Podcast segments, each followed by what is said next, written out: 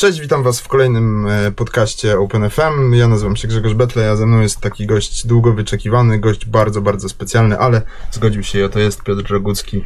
Dziękuję za to miłe przywitanie. Reprezentujący formację Koma. Tak, tym razem formację Koma. Chociaż mam nadzieję, że, że porozmawiamy też yy, przynajmniej na sam koniec w dwóch zdaniach o tym, czy Piotr Rogucki powróci solowo. Ale zostawmy to jako taki sma smaczek dla tych, którzy dotrzymają jeszcze. Dobra. Do samego końca. Ale okazja jest bardzo, bardzo specjalna, bo oto jest yy, półtora, od półtora miesiąca nowy album Komy w sklepach. I właściwie album bardzo, bardzo nietypowy. No i właściwie album Komy, nie Komy, można Komy, powiedzieć. nie Komy, Ponieważ zdecydowaliśmy się e, zainspirowani takim koncertem specjalnym, który wykonywaliśmy w zeszłym roku dla mm, Festiwalu Męskie Granie w Krakowie. E, Zostaliśmy sprowokowani do stworzenia e, takiego koncertu. Skupiliśmy się na utworach e, specjalnych z, z filmów. E, czyli chcieliśmy stworzyć tak, taki koncert muzyki filmowej. No i okazało się, że najbardziej inspirują nas i jakby najszersze pole do popisu, zarówno interpretacyjnego, jeżeli chodzi o warstwę tekstową, jak i aranżacyjnego, jeżeli chodzi o warstwę muzyczną. I największą frajdę sprawiają nam kawałki z Kleksa, Mhm. Z, z filmu dla dzieci Pan Kleks. I też y, nastąpił wobec nich taki proces wyłaniania y, jakby ich tajemnicy, którą one zawierają. I to nam sprawiło dużą satysfakcję i ostatecznie zdecydowaliśmy się nagrać siedem kawałków, e, stworzyć siedem kawałków z Kleksa. Mhm. Okrasiliśmy to jeszcze innymi utworami e, z programów i zaraz. filmów. Okej, sorry, sorry. Nie, nie, nie, proszę, proszę, proszę, opowiadaj. Nie padła nazwa Sen o siedmiu szklankach. A, tak, bardzo- płyta nazywa się Sen o siedmiu szklankach. Jest to utwór instrumentalny z e, Akademii Pana Kleksa. E, no taka, można powiedzieć, poetycka, wieloznaczna nazwa, e, która dla nas ma też o tyle znaczenie, że jest to nasz e, siódmy album. Mhm. E, Skoro ta siódemka się pojawiła w tym tytule, no chcieli, zastanawialiśmy się nad tytułem Witajcie w naszej bajce, no ale to wydało się kompletnie banalne. Mhm. Tytuł Sen o siedmiu szklankach buduje jakiś rodzaj sentymentu, jakiś rodzaj ot- otwartości i na interpretację, no i, no i tak się zdecydowaliśmy. No właśnie to mm, pierwsza rzecz, y, o której już powiedziałeś, y, powiedziałeś, że zostaliście sprowokowani p- przy okazji męskiego grania. Właśnie chciałem zapytać o tej prowokacji. To znaczy, ktoś wam to podsunął na zasadzie mm, nagrajcie, zaśpiewajcie coś mm, filmowego? Czy też podsunął wam konkretny repertuar? Nie, nie, no to była nasza inicjatywa. Okej. Tak naprawdę dostaliśmy wolną rękę, mm, mm, oczywiście konsultując wszystko z, producentami tego festiwalu i e, wspólnie znajdując jakby pomysły na to, e, co może zadziałać. Mhm. Ponieważ ja trochę się wywodzę też z nurtu aktorskiego, pomyślałem, że filmowa muzyka będzie jakby korespondowała z, z tym moim e, wizerunkiem. No a to, że nas wciągnęły y, piosenki z filmów dla dzieci, a tak naprawdę głównie z Kleksa, no to jest, y, to już jest prowokacja i to taka bezpośrednia naszego nowego muzyka. Mhm. Czyli Pawła Cieślaka, który z nami jest od y, dwóch lat. Jest znanym undergroundowym, jeżeli to jest w ogóle dobre połączenie, y, y, jest popularnym łódzkim producentem, Mhm. który sam się przyznaje, że robił już chyba wszystkie łódzkie zespoły oprócz Komy i, e, i Various Monks. Ale Koma już zrobił na, nawet drugą płytę, bo to jest jego druga płyta z nami. No i on stwierdził, słuchajcie, zaryzykujmy, weźmy pana Kleksa, zróbmy pana Kleksa. No ostatecznie dołożyliśmy jeszcze trzy piosenki z innych filmów, bo kluczem e, doboru stały się e, teksty Mhm. i możliwość e, interpretacji ich na, na wiele sposobów. Czy głównie wybieraliśmy teksty, które po wyjęciu z filmów dla dzieci okazywało się, że, że nie są do końca dla dzieci. Właśnie miałem o to zapytać też o, o taką, to pierwsze zetknięcie się publiczności z tą muzyką, czyli to była publiczność męskiego grania, Tak. Która, no brzmi to lekko absurdalnie, jeśli mówi się, że podsunie się tej publiczności akurat piosenki dla dzieci. Tak, no to było ryzykowne, ale chcieliśmy, już czując potencjał tych Mhm. kawałków, wy, wydobyć z nich właśnie y, tą funkcję, której nie spełniają w filmach, czyli, czyli taką autonomię pozbawioną tego, tego, tej infantylności, powiedzmy, obrazu, czy też, czy też tej funkcji, która, którą jest rozrywka dla dzieciaków. I okazuje się, że artyści, którzy tworzyli te kawałki, no to są po pierwsze na wysokim poziomie Mhm. muzycy, z ogromną wyobraźnią i, i, i, niezwykłą fantazją brzmieniową, aranżacyjną Mhm. i, i muzyczną. No i też niesamowicie dobrane teksty, które no gdyby, gdyby, gdyby te, fil- te piosenki nie były kojarzone z filmami dla dzieci, spokojnie mogłyby funkcjonować jako e, fajne poetyckie przekazy o, o, o różnego rodzaju no, cywilizacyjnych zagrożeniach tak naprawdę. Mhm. No myślę, że jakiejś takiej baśniowości w tych tekstach nie powstydziłby się Lem pewnie. Nie? No tak, właśnie to jest taka psychodeliczna, troszeczkę e, kosmiczna narracja w tym Mhm. wszystkim i staraliśmy się to jeszcze bardziej podkreślić Mhm. przez te nasze no, trochę wykręcone aranżacje. Mi się też to w ogóle skojarzyło tak od razu, to bardzo luźne skojarzenie, ale pamiętam, że przy pierwszych płytach Komy zawsze się ciągną, ciągnęła taka opinia, mm, że nie tylko płyty, ale też głównie koncerty są w pewnym sensie jakieś magiczne, powiedzmy trochę. No transowe można tak by Tak, ująć, tak, że tak, takie się tak. rzeczy, takie momenty się zdarzały. Mhm. Jakieś takie. ym, nie, nie, chcę, nie chcę tego obrócić też w taką śmieszną stronę, bo, bo zupełnie nie o to chodzi, yy, ale one były bardzo emocjonalne i też publiczność je w bardzo, bardzo emocjonalny sposób odbierała i faktycznie miały coś takiego w sobie baśniowego, bym powiedział. To się ładnie składa w ogóle, fajna, fajna klamra przy siódmej Mhm. płycie. No, można powiedzieć, że taka, taka puenta jakiegoś takiego rozwoju. No. Jeszcze ta puenta sięga no, trochę głębiej, no bo początku tak naprawdę naszego życia, Mhm. czyli naszego dzieciństwa, bo wybraliśmy głównie kawałki z lat 80. Właśnie, czy to jest coś, co, po co sięgnęliście i y, przy czym skojarzyliście, że bardzo dobrze to znaliście, dawno do tego nie sięgaliście, ale gdzieś w dzieciństwie to były takie kawałki, które sobie mm, nie wiem, śpiewaliście na przykład. No myśmy, je, myśmy je po prostu znali na pamięć, tak Mhm. naprawdę niektóre z nich. A jeżeli nie znali na pamięć, to, no, to były gdzieś tam, ut- utkwiły gdzieś głęboko w naszej podświadomości. Mhm. bo tamten czas, kiedy myśmy byli dzieciakami, to był taki czas, kiedy nie było zbyt dużego wyboru. Jeżeli coś rzeczywiście zaczęło funkcjonować e, na poziomie tak zwanej popularności, czyli jeżeli e, zdobywało rozgłos, Mhm. no to wtedy znali to wszyscy. Wszystkie dzieciaki e, oglądały Kleksa w tamtym czasie. E, Wszyscy rodzice również tego Kleksa e, widzieli, bo po prostu były dwa kanały telewizyjne tak naprawdę. Nie? Jak było coś takiego w kinie, to się szło całymi szkołami, to było wydarzenie. E, No więc to jest nasza wspólna historia. Czy tego chcemy, czy nie.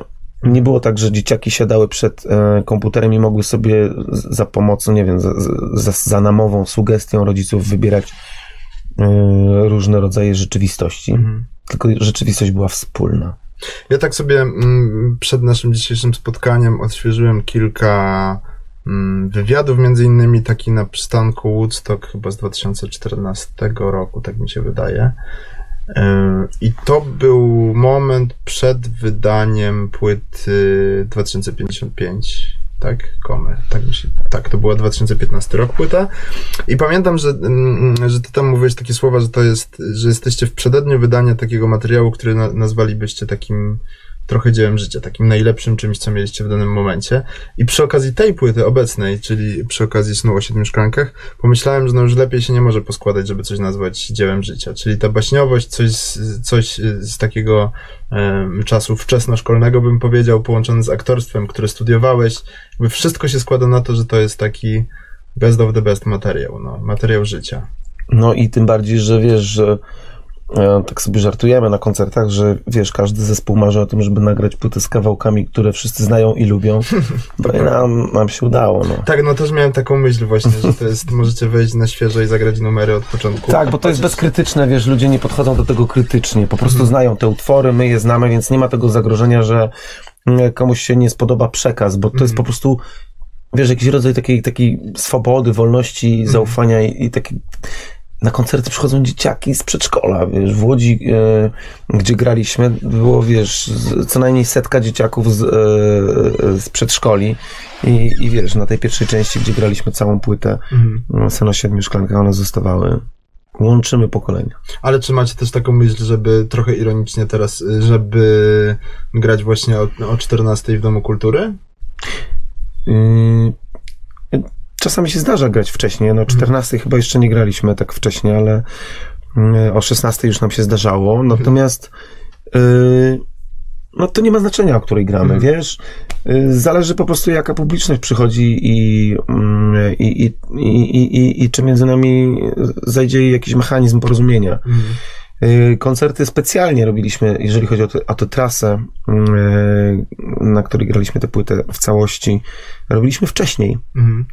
O 19 najpóźniej się odbywały, bez supportów, tak właśnie po to, żeby dzieciaki mogły przyjść i, I y, wysłuchać. i posłuchać tą godzinkę, potem sobie pójść do Super. domu. No.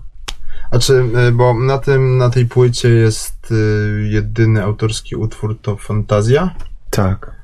Czy wy, wy, wyobrażacie sobie jako zespół Koma, że za 10 lat e, okaże się, że nie wiem, będziecie grali wielkie koncerty na 30-lecie istnienia zespołu Koma i że jednym z utworów, które wejdzie do kanonu zespołu Koma to będzie Meluzyna na przykład. Strzelam. Ja myślę, coś, że... coś z płyty, Mhm. który, kawałek, który zupełnie odstaje de facto od, od wszystkiego, co robiliście do tej pory. No wiesz, no Kazik e, Passengera na przykład e, śpiewa na, na swoich koncertach. E, e, myślę, że bez problemu. No. Te Mhm. kawałki są tak przez nas mm, przetrawione, że stały się naszymi utworami tak naprawdę. I odzwierciedlają też e, właśnie poprzez dobór Mhm. tych tekstów stan mm, naszego, naszej, naszego, jakby to powiedzieć, światopoglądu i Mhm. myśli o, o tym, co jest współ, współcześnie, co się współcześnie na świecie dzieje. Dlatego wyobrażam to sobie. Okej. Em, Przy, przy okazji tego, co. A właściwie nawet więcej nie wyobrażam sobie, żeby, żeby nie weszły po prostu na stałe do, do, A, okej, w ten sposób. No, tak bardzo się z nimi za, z- zaprzyjaźniliśmy i też taką dużą robotę wykonaliśmy nad, nad tym, żeby one zabrzmiały mm, inaczej niż, niż w oryginale. Jak w ogóle powiedziałem mojemu koledze o tym, czy słyszał, te, koledze, z którym zawsze się dzieliłem Mhm.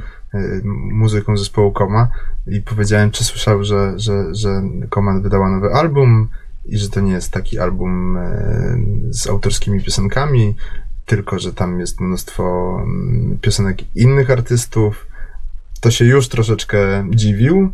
Jak do tego dorzuciłem, że tam jest o dwóch takich, co ukradli księżyc, Mhm. Akademia Pana Kleksa, e, to zrobił wielkie oczy i nie mógł w to uwierzyć. E, No i to, właściwie to, ta historia nie ma puenty, tylko to, że Mhm. jest to mega wielkie zaskoczenie. Tak, ale to nie jest żart.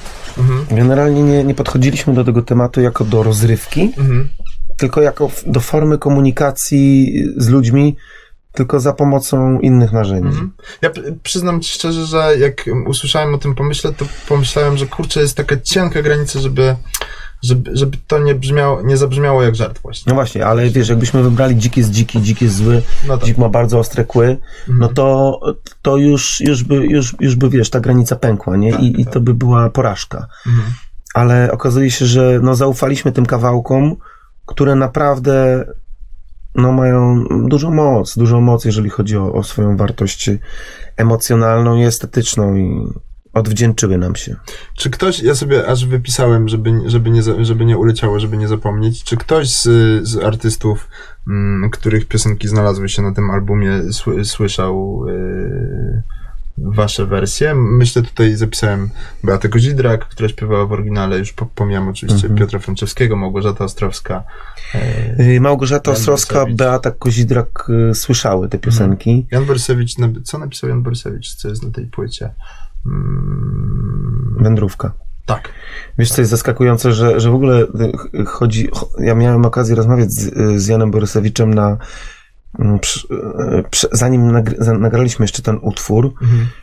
mówiłem mu, że będziemy to robili. a On powiedział, że, że w ogóle całą tą płytę sam nagrał. Wszystkie instrumenty. Mhm. Że ona jest uważana za płytę Lady Punk, ale on. y, Zespół wtedy był w zupełnie jakimś innym miejscu. To była ta płyta do serialu o dwóch takich. Tak, do, do, do kreskówki pod tytułem y, Jacek i Placek, tak się chyba nazywa. Tak. Właśnie wydaje mi się, że miała też nazwę o, o dwóch takich, co ukradli księżyc. Nie mylić z... Jacek i Placek z podtytułem o dwóch takich, co Tak, ukradli księżyc, tak mi się wydaje. Mhm. No. Nie mylić z filmem. Także to jest jego robota w całości. Wysłałem mu ten kawałek, ale yy, nie odpowiedział. Znaczy, sam poprosił o ten utwór, ale nie, nie wyraził swojego zdania na temat Okej. yy, tej interpretacji. Natomiast wiem, że Beacie Kozirak się spodobało. Mieliśmy nawet y, wspólnie wykonywać ten utwór O. na specjalnym koncercie, ale no niestety od, został odwołany ten koncert. Y, Miał Okej. się odbyć w Łodzi, ale nie wyszło nic z tego. No szkoda, szkoda, bo to by była taka niepowtarzalna okazja, żeby to zrobić. Powiedzmy dwa słowa jeszcze o gościach, którzy są na tej płycie. Jest to Izalach, Mhm. Ralf Kamiński. Ralf Kamiński i Daria Zawiałow Izalach jest, yy, w dwóch utworach. no właśnie, w jednym z nich, yy, to właśnie w Meluzynie chyba, Mhm.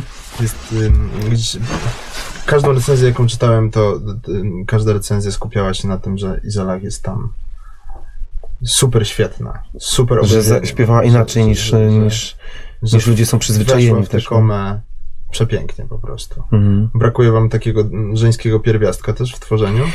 Wiesz co, dlatego właśnie zapraszaliśmy gości. Mhm.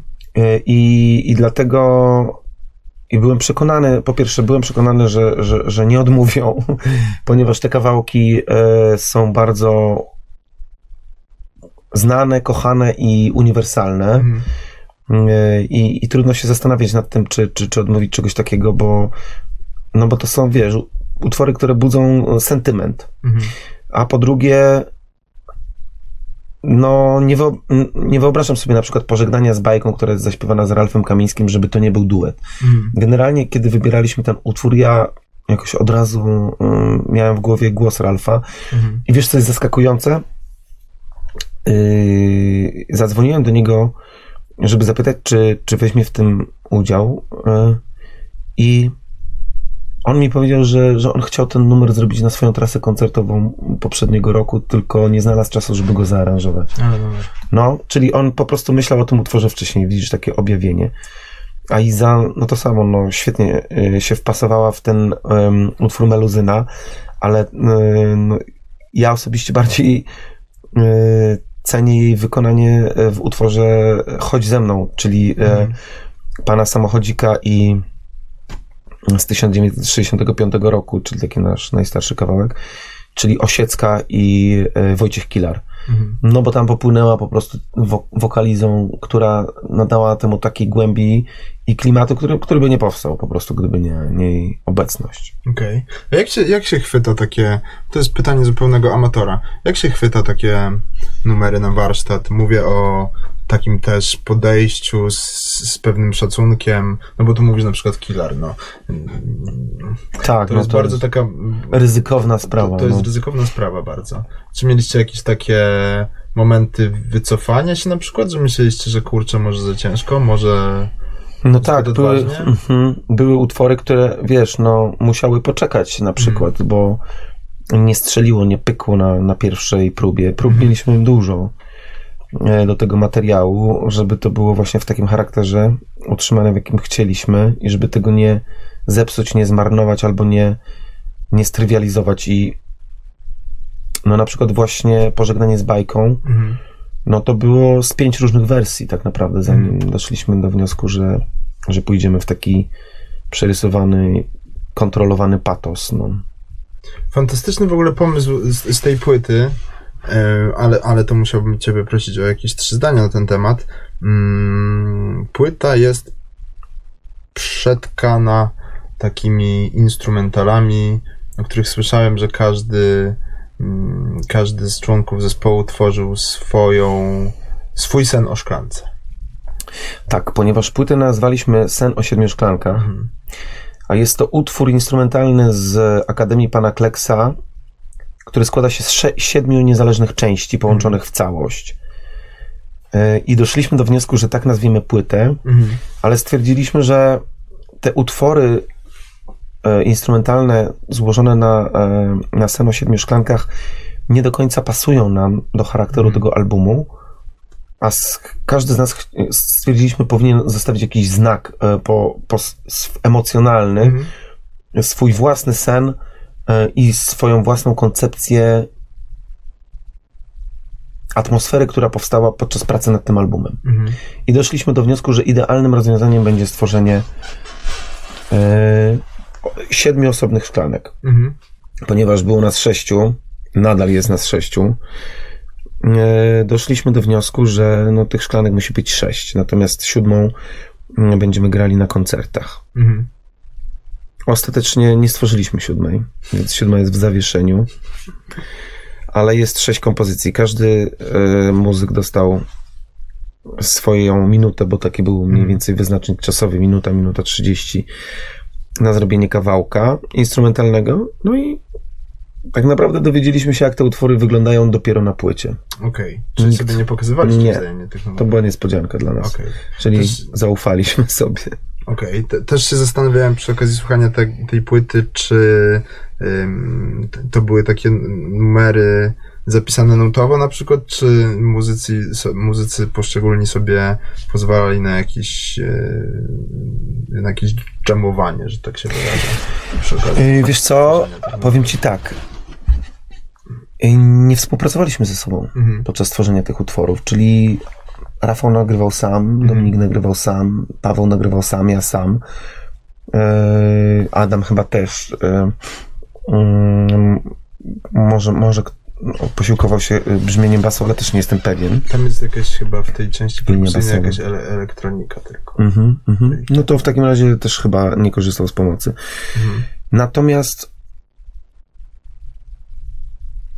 nie, nie, nie było żadnego zapisu, wiesz, to raczej był rodzaj, Takie uwolnienia emocji. no nie do końca, wiesz, bo tam też melodia się znajduje, więc to No było tak. zaplanowane, no po prostu wcześniej nagranie jakiejś demówki, Mhm. później próba odtworzenia tego i za, zagrania na, na różnych brzmieniach i wiesz, no proces, zwykły proces nagrywania, tylko z po prostu troszeczkę mniejszą ilością elementów, mm, które się tam pojawiały, no i bez wokali.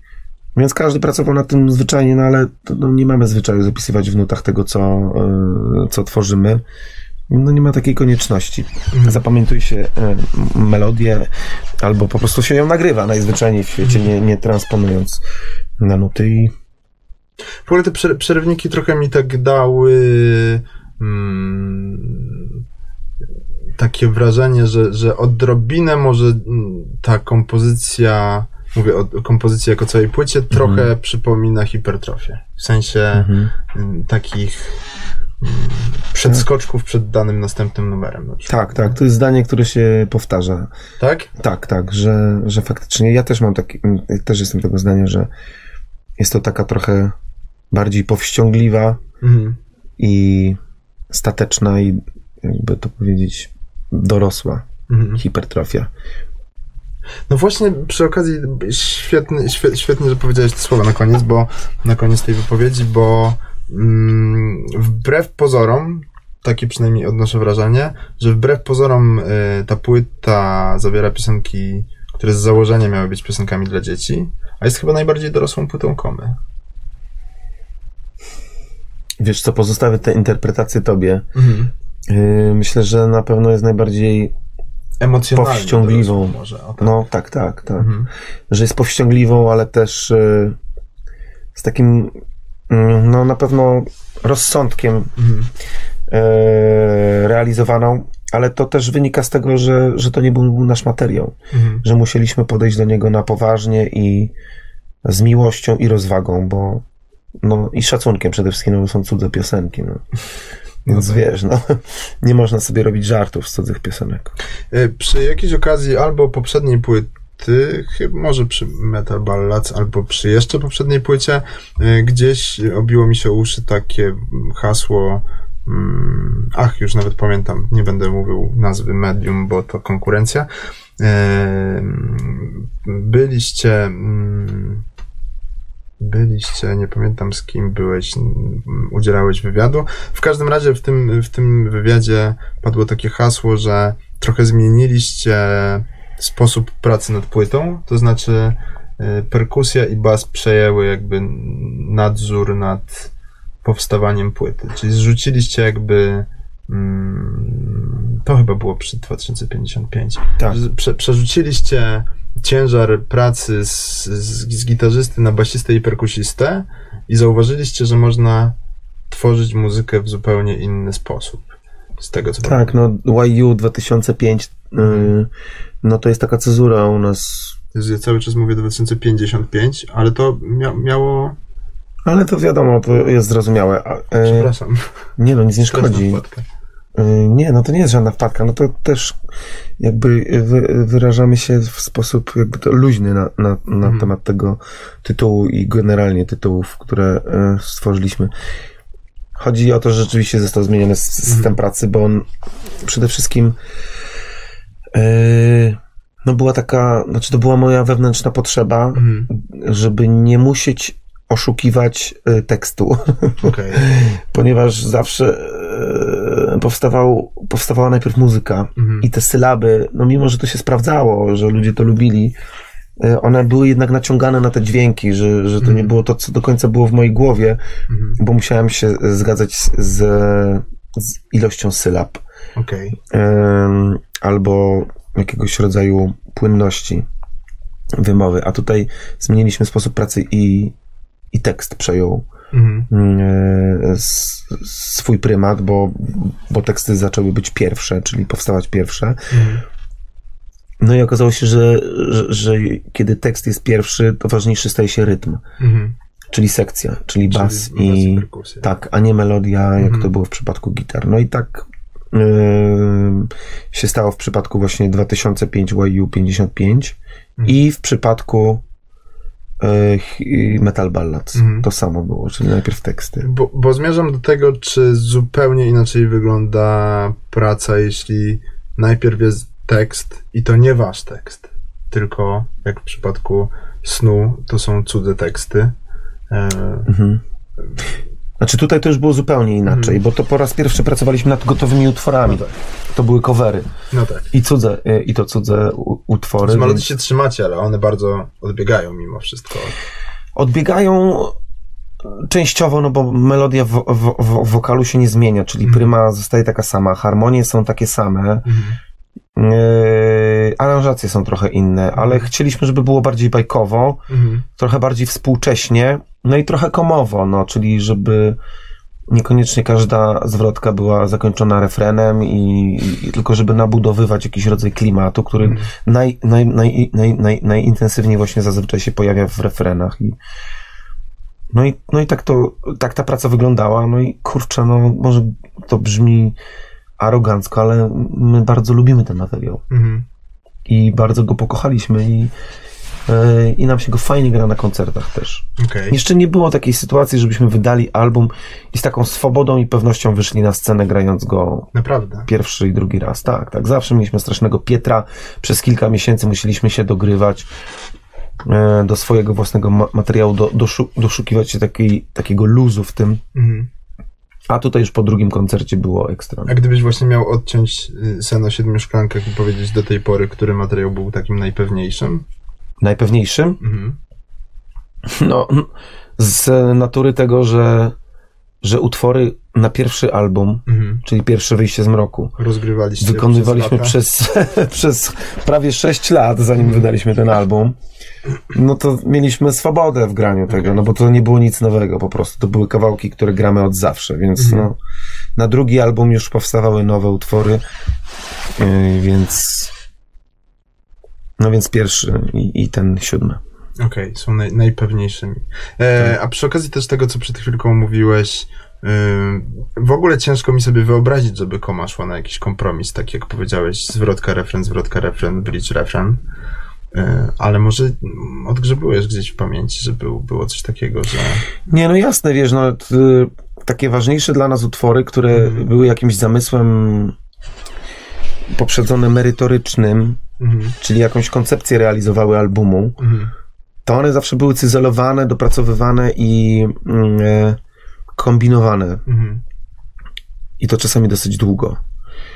Natomiast takie, które miały pełnić funkcję jakiegoś rodzaju odciążenia, mhm. No mi po głowie chodzi tylko jedna taka... na pół na przykład Radiówka był na pół. taki, no, Mhm. dokładnie na pół. Ale wiesz, daleka droga do domu to też jest prosty utwór, mimo że trochę ma poważniejszą tematykę. No. No, a takich utworów było więcej. Były jakieś żarty, dowcipy, nie? Typu jakaś emigracja, nie? Utwór o, o dziewczynach, które, ładnych dziewczynach, które wyjechały powiedzmy z Polski, nie? Wiesz, no, takie czasami nawet szczeniackie jakieś wygłupy. Mhm. No to... A tu, to... jestem, tu jestem ciekaw. Mhm. A propos tych szczeniackich wygłupów, jakbyś... Chyba, że nie chcesz... No to właśnie ten, emigracja, nie? Że to taki rodzaj zgrywy, która niekoniecznie musiała się gdziekolwiek w ogóle pojawiać, nie? I równie dobrze, znaczy nikt w ogóle pewnie nie kojarzy tego kawałka, to był rodzaj takiego, sami dla siebie po prostu. to Końcówka drugiej płyty hipertrofii, tak? Tak, tak, tak, Mhm. tak. Doskonale. Mogłoby się to w ogóle tak naprawdę nie znaleźć na żadnej z naszych płyt i e, nic by się wówczas nie, nie zmieniło. I no, to, to, to wtedy takie kawałki powstały po prostu na zasadzie zabawy i rozrywki. Mhm. Chociaż nad, nad, nad daleką drogą do domu się trochę namęczyliśmy. Y, To nie było takie łatwe zrobić taki prosty utwór, Okej. bo, bo go po prostu wielokrotnie mm, zmienialiśmy. No, ale, ale generalnie mm, założenia też tak mm, funkcjonowania i, i tworzenia u nas były takie, że że zmieniamy napięcia podczas utworu i to w taki sposób, który zarówno zaskakuje publiczność, jak i nas samych, który sprawia przyjemność pewnego rodzaju przeprawy e, takiej nieoczywistej. Mhm. Takiego, No, tak a propos zmiany nastrojów, to od razu mam w głowie jakieś najdłuższe numery komy. Nie, nie wiem, co było naj... Zaprzepaszczone siły. Zaprzepaszczone siły Wielkiej Armii Świętych Znaków, czyli To był 14-minutowy utwór, 12. no 14, 14, tak. No to tam. Był, Koncertowo jeszcze tego, żeby- dłuższy. Tak? Tak. tak się, takie były czasy. Mieliśmy, tak, to był, nie wiem, był, to chyba był jakiś rodzaj buntu wobec y, rzeczywistości, która nas otacza, taki, taki sprzeciw po Mhm. prostu, że wiesz, że wszystko się komercjalizuje, a my na przykład będziemy na tyle bezczelni, że zrobimy taki długi kawałek i jeszcze w ogóle w taki bezczelny sposób nazwiemy płytę. No nam się wydawało, że to jest wtedy coś, coś niesamowitego, wiesz. Naiwność po prostu młodych ludzi, nie? którzy zdobywają jakąś tam swoją przestrzeń. No idealnie wycyzelowany numer chyba w dzisiejsze czasy to jest 2.37, tak. Myślę, że. tak, tak, takie krótkie. No. No, czyli już nie Najlepiej- 3, 30. Jeszcze najlepiej, mm, żeby się zaczął od refrenu. Żeby od Aha. razu było coś, co wpada w ucho i można powtarzać. No to już wiemy, jak pracować przy następnych płytach. Także ja mogę konsulting też, w razie czego e, z tej drugiej strony. E, m, czy przy okazji, albo inaczej, jak bardzo, bo czy to nie mam wątpliwości, jak bardzo przydało się przy okazji tworzenia snu o siedmiu szklankach to doświadczenie aktorskie i, i, Bardzo. i praca w teatrze? Naj, naj, mm, tak naprawdę najbardziej ze wszystkich albumów. Mhm. No bo komie Może- jakieś, mhm. jakiegoś rodzaju, mm, może sformułowanie nie jest naj, najtrafniejsze, ale takiego rodzaju teatralności, powiedzmy, nie brakowało dotąd. Nie brakowało, ale nie, nie musiałem się wcielać w rolę. Mhm. Tu się musiałem wcielać w rolę, wiesz, y, takich już nawet dosyć znanych postaci, no, typu, Mhm. wiesz, Piotr Franceski w, w roli pana Kleksa. I musiałem szukać, y, wiesz, takiego cieniowania. Mhm. Y, Falsety, jakieś delikatne operowe, nawet y, tembry. Mhm. i, i opo, opowi- o, taka opo, op- opowiadalność tych historii, które się tam znajdują. No, pomógł bardzo w tym Paweł Cieślak Mhm. y, i tak naprawdę jego produkcja tej płyty, bo ona też tam dzięki tej produkcji ta bajkowość powstała. Ale no, musiałem się wcielać w tę rolę, ale zrobiłem to z wielką przyjemnością i, i z dużą swobodą, szczerze mówiąc. Nie, Mhm. nie sprawiało mi to kłopotu. Zawsze jak napotykałem na jakiś mm, opór, no to próbowałem zmieniać wersję, żeby to zniwelować, żeby to nie było sztuczne Mhm. wszystko. No właśnie, a, a nawet a propos tego, co mówisz, to mi się tak skojarzyło, mm, że witajcie w naszej bajce, to ma, ma wręcz jakiś taki zaśpiew rock operowy, bym powiedział. Tak, to jest rock opera, oczywiście. No to jest taka, no wiesz, parodia tak naprawdę trochę rock opery. Mhm. Jest to tam tak patetycznie, wiesz, i intensywnie podkreślone, żeby e, no, żeby korzystać z tego medium też. No, Mhm. staraliśmy się każde kawałki w właśnie y, bazując na różnego rodzaju formach muzycznych y, kształtować. Tym bardziej, że one dawały duże pole do popisu, Mhm. te utwory. Yy, trochę głupkowate pytanie wpada mi do głowy, chociaż nie, nie chciałbym, żeby tak brzmiało. Mm, wydaje mi się, że dawno temu, może na, na wysokości zaprzepaszczonych sił, chociaż nie daję głowy, że, że, że mówię prawdę teraz, że gdzieś słyszałem taką historię, że wy wyjeżdżaliście gdzieś do jakiego, do, mm, to były Ja- Jaworki może taka? Tak, no wyjeżdżaliśmy do Jaworek dwukrotnie, Jaworek, żeby tworzyć album. Czy teraz, y, to może brzmi głupkowato, chociaż na, na serio jestem ciekaw. Mhm. Y, jakie rytuały wam towarzyszą przy tworzeniu takiej płyty jak Sen o siedmiu szklankach? W sensie nastroje, bo ja na przykład słyszałem kiedyś, to brzmi absurdalnie, ale że y, Papcio Chmiel, jak rysował pap, Papcia Chmiela, to się w ogóle przebierał. I jemu się dużo lepiej pracowało, jak był przebrany za jakąś postać. Naprawdę. E, I, i, i Tytusa jak, jak rysował, tak? I, i, I zastanawiam się, mm, jakie na przykład, nie wiem, czy byliście wciągnięci właśnie w, w oglądanie filmów Nie, science w słuchanie, nie, byliśmy wciągnięci w słuchanie tej, e, tych bajkowych piosenek i selekcja następowała bardzo, wiesz, e, długo, Mhm. E, ale to, co nam towarzyszyło w przypadku tego e, pracy nad, nad tym materiałem, to była bardzo dobra organizacja. Okej. Yy, punktualność, rzetelność i wiesz, wręcz taka e, matematyczna koncentracja bez żadnego rozproszenia. Nie, nie robiliśmy tej płyty na wyjeździe, robiliśmy ją w Łodzi, w sali prób, Mhm. ponieważ y, byliśmy świadomi, że nie robimy płyty. Mhm. Myśmy robili koncert Mhm. specjalny. Y, dopiero później, y, mając już ten koncert zagrany, doszliśmy do wniosku, że to trzeba uwiecznić. Dorobiliśmy jeszcze trzy utwory, Mhm.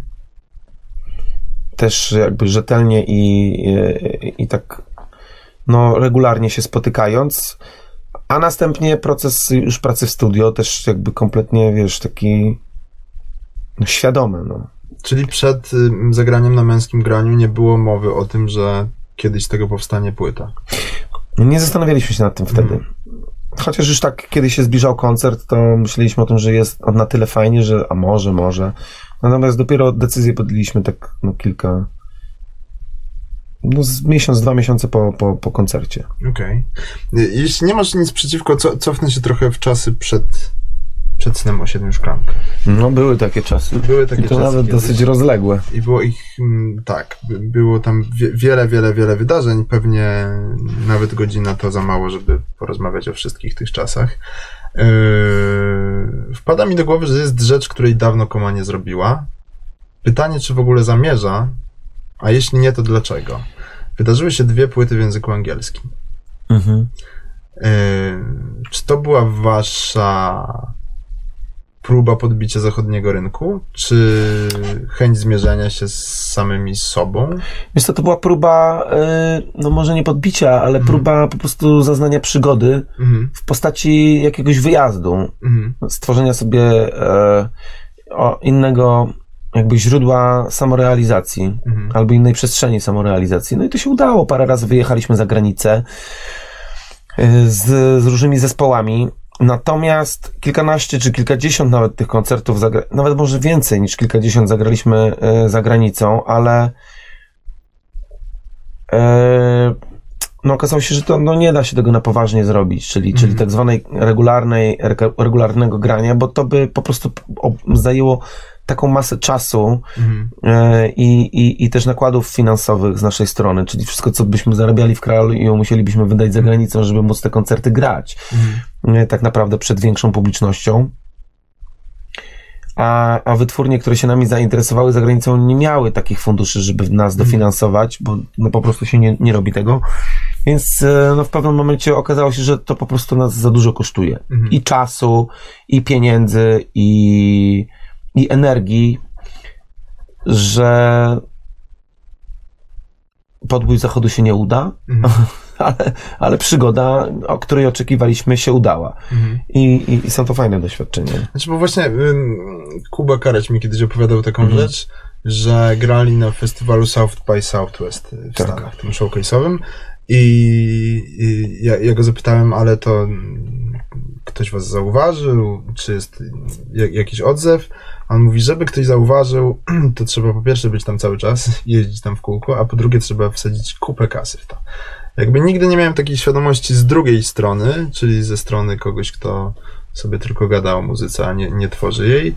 Eee, że to nie jest, mm, że sukces taki międzynarodowy to nie jest mm, wypadkowa tylko... To nie jest przypadek, no tak, po prostu. To, to nie jest Wiesz, tak, nasza płyta była dostępna na całym świecie. nie? Mhm. Znajomi kupili ją w Kanadzie, była dostępna w Stanach Zjednoczonych. Mhm. No ale co z tego? Mhm. Skoro w takim sklepie muzycznym jest takich płyt milion, Tak. E, nikt nie zna. No, no nie wejdziesz do sklepu muzycznego i nie kupisz e, płyty przypadkowego zespołu, o którym wcześniej nigdzie nie usłyszałeś. A żeby ktoś usłyszał o tobie w Stanach Zjednoczonych, no to sam przyznasz, że to muszą być ogromne pieniądze. Ale czy z perspektywy na, nawet y, grania w, wyłącznie w Polsce, wy, wy nie macie takich myśli, że ym, jest y, wam muzykom o tyle ciężej, że mierzycie się, że nie konkurujecie tylko między sobą, czyli między polskimi muzykami, tylko konkurujecie y, z, z milionem wykonawców zagranicznych, którzy są kochani w Polsce. Tak, to nieuczciwe. No. Dlaczego na przykład naszego Krzysztofa Krawczyka nie chcą na wyspach? Albo nas, albo Moniki Brodki, nie wiem, yy, Dawida Podsiadło, no, może się to komuś w końcu uda, wiesz. A, a do nas przyjeżdżają I już są. i już są, prawda? Niesprawiedliwe. No to są, to są finanse, no i też jakby układ yy, realiów świata Tak. rządzą kraje an- anglojęzyczne, mają łatwy dostęp do, e, do kultury innych krajów. Mhm. Poza tym po, po, popularna jest kultura zachodu mm, Stanów Zjednoczonych. No może już trochę mniej Britpop przecież rządził mm, e, bardzo mocno mm, w kilkunastu ostatnich latach. Cała alternatywa. Wiesz, no na- nawet gdybyście się urodzili na Islandii, Mhm. to pewnie e, e, moda związana z, jakby z, z muzyką tego kraju Mhm. e, u, u, ułatwiłaby nam mm, start. E, No ale to jest egzotyka, nie? Mhm. I, I wszyscy są tej egzotyki ciekawi, a poza tym... trzech, trzech muzyków i wszyscy trzej są znani na całym świecie. No właśnie o to chodzi. No. Trochę tak, no to prawda. A myślicie na przykład o rynku y, azjatyckim? Nie, wiesz co, kurczę, to są po prostu takie... Mimo tego, że to brzmi Mhm. śmiesznie, nie? Ale jakby wiem, że Ka- Kasia Lins chyba wydała taką płytę, która je, była tylko na rynek azjatycki. Naprawdę, nie słyszałem tego. I no już pomijam zespół. No wiem, wiem, no to można go spokojnie pominąć. Zupełnie inne rzeczy nas zaczęły cieszyć, wiesz, i kurczę, no, no może, może to przejściowe, ale na razie ten okres nam Mhm. nie? Znaczy. Wiesz, kurczę, też zmienił się czas naszego życia. mhm, Urodziły nam się dzieci mhm, masowo. mhm, I wiesz, y, z myślą o tym, że ja na przykład mam wyjechać na pół roku gdzieś tam za granicę i lansować y, swój zespół i siebie przed mm, obcą publicznością, z, zaczynając od zera, a, a, a, a, a rezygnuję z tego, żeby z, przebywać z takimi fajnymi ludźmi, jakimi są moje dzieciaki, mhm. w tym momencie sprawia, że trudno mi się do tego zmusić, nie? Bo to jest taki, akurat mamy ekstra okres, nie? Z, z, z, z dzieciakami, więc kurczę, to jest tak, taki fajny, fajny, fajny moment, który, Mm. który gdzieś miałby mi w tym momencie umknąć, nie? Może później, jak już będą odrobinę starsze i, i nie wiem, przyjdzie jakiś moda na dinozaury, wiesz, gdzieś tam w, w Rosji, Okej. to się o to pokusimy jeszcze raz. Nie, bo zastanawiam się tak be, be, bez, bez grama jakiejś ironii czy złośliwości, ale w, w którym momencie pojawia się taka myśl, że... Bo podejrzewam, że w większości młodych muzyków jest takie myślenie, że trochę pogramy w Polsce, może zrobimy coś super, uda się wyjechać za granicę, nagramy płytę po angielsku. W którym momencie się pojawia myśl, w której się jakby godzicie, ale to nie jest takie godzenie się, że okej, już się nie da, tylko godzenie się na zasadzie tutaj jest naprawdę okej. Znaczy nie, no słuchaj, to jest też godzenie, że się nie da, no bo to mm, w chwili, kiedy doświadczysz tego po prostu. Mhm. Kiedy spróbujesz, e, kiedy zmierzysz się z tymi siłami, które jakby temu towarzyszą, e, no i, no i zdasz sobie sprawę z ogromu jakby tej e, no, pracy, którą musiałbyś wykonać i tak naprawdę z rezygnacji z jakiej, jakiejkolwiek gwarancji, która dotyczy Mm, No chyba, że masz jakieś mega wsparcie, nie? Że, że masz super zorganizowanych menedżerów, producentów i, i, i, i, i wydawców, którym na tobie zależy i, i robią kampanię no, na, twoją, na twoją korzyść gdzieś tam mm, za granicą. Ale, ale dlaczego mieliby wybierać zespoły z Polski, które nie mają swojego unikatowego języka? Mhm.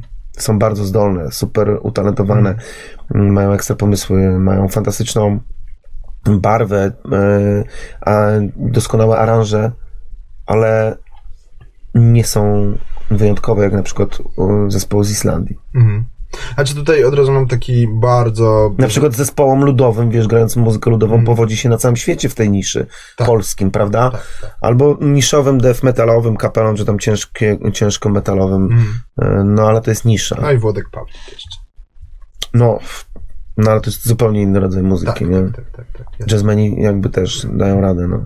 Ale faktycznie patrząc szeroko na muzykę popularną jest... y, Za duża konkurencja po prostu, wiesz, już chyba lepiej zainwestować w kogoś e, m, swojego, Anglika, Amerykanina, czy Jeśli nawet kończy Niemca. się woda, to ja mam pełny kubek, z którego nie piłem i tu jest sama woda. O, super, to ja sobie doleję. Możesz sobie swojego. zabrać cały kubek. Bo ja mam... Na, na, jeszcze... Przeleję, bo może jeszcze będziesz korzystał. O, a mi tyle wystarczy. Okej. Tyle gadam, że mi zasycha w ustach. Jest okej, naprawdę. E, ro- rozmawiałem z, nie tak dawno temu ym, z Moniką Wydrzyńską, która śpiewa w takim młodym zespole Linia Nocna, może ci się obiło uszy. Nie słyszałem o tym zespole, bardzo dziwne. To jest taka mm, półka Xanaxu, Mhm. troszkę, troszkę Taka- dumplings, mniej, Mhm. Taka senna elektronika, tak? Senna elektronika. I ym, ona mi powiedziała bardzo zabawną rzecz, bo rozmawialiśmy trochę o tym, że ona ma mm, bardzo precyzyjne wykształcenie muzyczne, że tak naprawdę bardzo sobie mm, bardzo się przygotowali do wejścia w ten świat muzyczny. W sensie. W Polsce? Tak, że, że Mhm. byli bardzo dobrze wykształceni. e, Od, od, od dzie, dziecięctwa uczyli się mm, razem z, z, chłopakiem, z którym grają w tym zespole, uczyli się w szkołach muzycznych mm, i byli świetnie przygotowani na wejście na, na ten rynek. Ja jej powiedziałem taką rzecz, że jak ja miałem lat 16 i gra, grałem w zespole, mm, to w ogóle nie myśleliśmy takimi kategoriami, że się trzeba wykształcić, że trzeba sobie skalkulować jakoś wejście w świat muzyczny. I ona mi powiedziała na to, że czasy takiego grania w garażu już minęły dawno. Że dzisiaj nie da się już wejść na ten rynek, jak się zakłada z kolegami w garażu zespół i się tak plumka i po prostu który ma lepsze poczucie rytmu, to gra na szklankach i później na perkusji, mm, że się tak nie da. Jakby myślałem o tym i trochę to była to dla mnie kontrowersyjna teza, a później pomyślałem, że faktycznie nie kojarzę chyba kogoś dzisiaj z debiutantów, kto byłby takim garażowym rodzynkiem po prostu. Kto by przez lata... Ma rację, myślę, że ja się też zupełnie, w zupełności z tym zgadzam. Czy Koma była takim ostatnim rzutem tego grania, takiego garażowego? Chyba tak. Ale Chyba to właśnie Koma, no właśnie. Bez, bez żartu, no? Nie no, bez żartu, ja nie żartuję. Mhm. Właśnie też się nad tym zastanowiłem, to przyszło mi na myśl, że to był ostatni rzut takich, Mhm. no, amatorów tak naprawdę, nie? Trochę tak. Laików. Wy jeszcze się załapaliście na czasy chyba, pamiętam, że byliście w takim programie 30 ton. Tak, lista, lista. Tak. No, to prawda. Kto dzisiaj sprawdza listy przebojów i oddaje głosy? I to mi kolega kiedyś opowiadał taką historię w pewnej dużej radiowej stacji ogólnopolskiej, że em, zobaczył, że przyszło na jakiś numer na liście przebojów przyszło 14 głosów. Mhm. I mówi do mnie, że wiesz co, na początku lat 90., jak robiliśmy taki, jakieś tam listę przebojów, to ludzie wysyłali na kartkach pocztowych y, głosy. I mówi, że przyszło tak dużo, że tam w 10 osób w, radiu y, wzięliśmy do domu każdy po tysiąc kartek i liczyliśmy, jakie głosy. Matką. No. Niewiarygodne. Trochę już, trochę już takie za, przeszłe czasy, że tak powiem. No tak, wszystko funkcjonuje inaczej. E, Zastanawiam się jeszcze, czy jakiś inny zespół jeszcze po nas jakby w, powiedzmy wkroczył z tego kręgu Mhm. mm, amatorskiego. Teraz jest bardzo fajny, bardzo polecam zespół, który nazywa się The Casino. To są, to są chłopaki, nawet nie wiem skąd. To jest polski zespół. I ym, brzmią tak y, bardzo, bardzo garażowo i tak też chyba zaczynają. Ciężko mi sobie wyobrazić, że zrobią dużą karierę, ale... Ale rock and roll? Tak, tak, tak, tak, tak, tak. No To nie zrobię. No. Trochę tak. Znaczy może za 10 lat, nie wiem jak, jak będzie się układać e, fala pasji e, publiczności i powrót m- różnych mód, Mhm. ale no no mówmy się, rock'n'roll jest na wycofaniu, nie? To, to chyba gdzieś w tym roku został ogłoszony taki e, Tak? werdykt e, Rolling Stones, Tak, tak, tak. Mag, Rolling Stone Magazine, Mhm. że, że, że właśnie prym nad, nad światem jako najpopularniejszy rodzaj muzyczny przejął hip-hop. Okej. Ach, no tu są przecież e, tłumy amatorów. To jest muzyka, która, Trochę tak. e, która wiesz, no tak naprawdę dominuje w świecie w tym momencie i no niekoniecznie jest muzyką ludzi wykształconych muzycznie. Mhm. A szczerze mówiąc, wystarczy dobrze skręcać bity. Mhm. No i inne rzeczy też dobrze skręcają z tego Ale to nie pamiętam, kto to. ym, Kurczę, to chyba Eddie Vedder mówił, Aha. że, że on był. Nie pamiętam na czym. Ym, Strzelam, że to, nie wiem, może Wu-Tang Clan wiesz, Mhm. był na jakimś takim koncercie w latach 90. i mówi, że to mógł być mój koncert życia, ale jak zobaczyłem, że gość puszcza muzykę z komputera, to stwierdziłem, że jednak to nigdy nie będzie mój koncert życia. Ale to w ogóle się składa... Ale teraz jest to koncert życia wielu, wielu ludzi. No, trochę tak. To, to też mnie skłania do takiej pętli, do tego, o czym mówiliśmy, mm, a propos robienia kariery za granicą, że najpopularniejsza dzisiaj polska pewnie gwiazda wśród młodzieży, czyli Taco Hemingway, Mhm. wyprzedaje mm, jakieś gigantyczne miejsca. Teraz będzie grał koncert z Dawidem Podsiadłą. Krążą plotki o tym, że może, może się pokuszą na Stadion Narodowy i Mhm. pewnie by go wyprzedali. No na pewno. E, I, i, I Tako zamieszkał w Londynie i no nie robi tam kariery, nie? Ale on chciał, tak? Z tego co wiem, najpierw nagrywał no, po angielsku w ogóle kawałki, nie? On na swojej pierwszej płycie o tym mówi. Chyba, chyba będziemy musieli mimo wszystko... O Jezu, przepraszam cię. Nie, nie, jest okej, jest, jest, ok- jest okej. No i co, próbuje, tak? Po angielsku tam robić karierę. No to, no cóż, no ma warunki, życzę e, szczęścia i może mu się to uda, no Ale trzymam okazuje się, że kręci jakieś kosmiczne wyniki w serwisie YouTube y, solowo, w sensie mm, teledyski po 50 milionów odtworzeń i jak nagrał kawałek na Wyspach, to on ma ze 40 tysięcy. Czyli jakby okazuje się, że faktycznie jak ktoś, kto jest y, mm, To nie ma przełożenia, to tak naprawdę jest wynik bardzo wielu, wielu, e, wielu elementów, które muszą zatrybić w jednym punkcie i mhm. determinacja artysty to jest tylko jeden z kilkuset, powiedzmy, czynników, które mają na to wpływ. Oczywiście jest bardzo ważna, natomiast no, na, na samej ambicji jeszcze mm, nie, nie da się Mhm. tego zrealizować.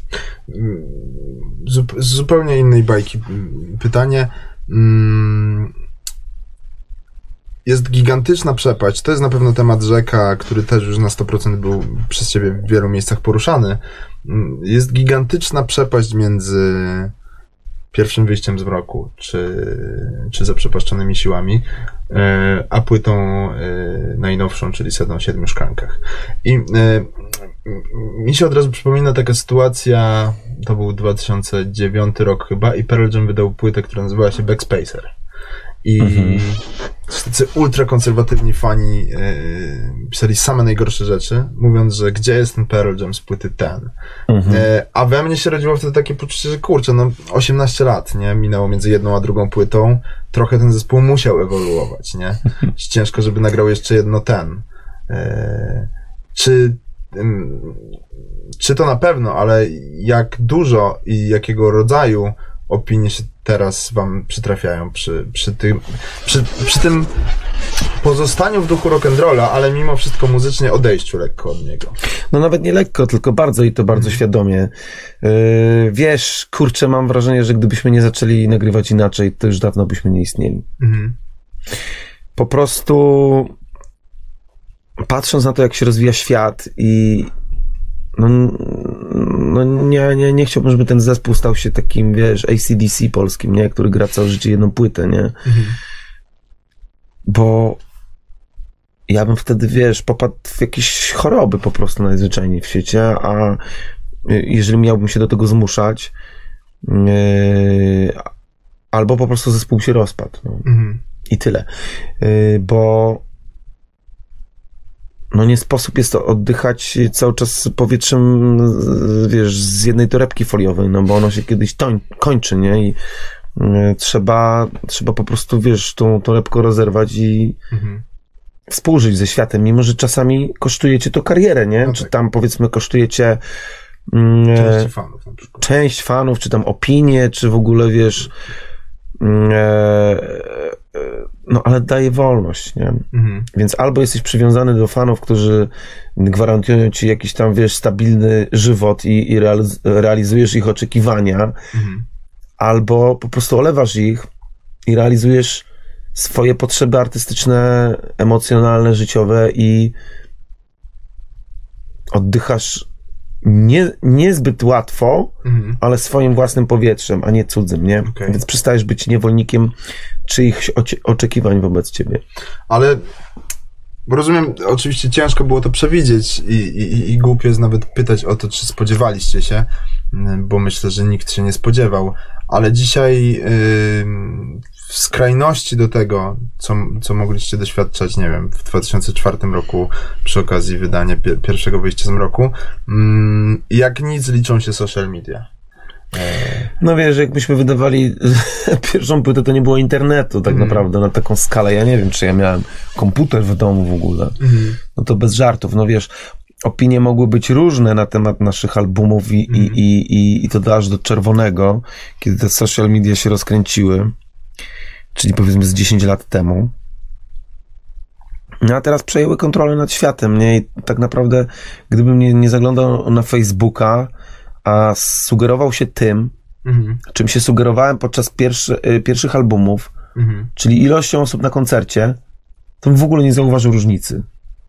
Właśnie Nadal przychodzi tyle samo ludzi na koncerty, wiesz, nadal tak dobrze się bawią przy nowych i starych kawałkach, że gdyby nie to, że musimy prowadzić, wiesz, y, komunikację z fanami poprzez social media, to ja bym w ogóle nie znał ich opinii na ten temat i w ogóle by mnie nie interesowała, ponieważ y, wyznacznikiem wtedy, kiedy zaczynaliśmy, była ilość ludzi na, na koncercie i ich obecność albo nieobecność.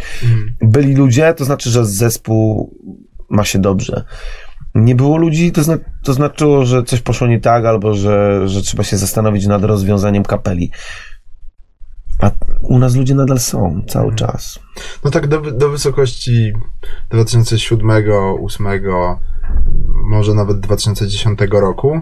em, byłem bardzo zaskoczony faktem, że o was, was w ogóle nie było w mediach.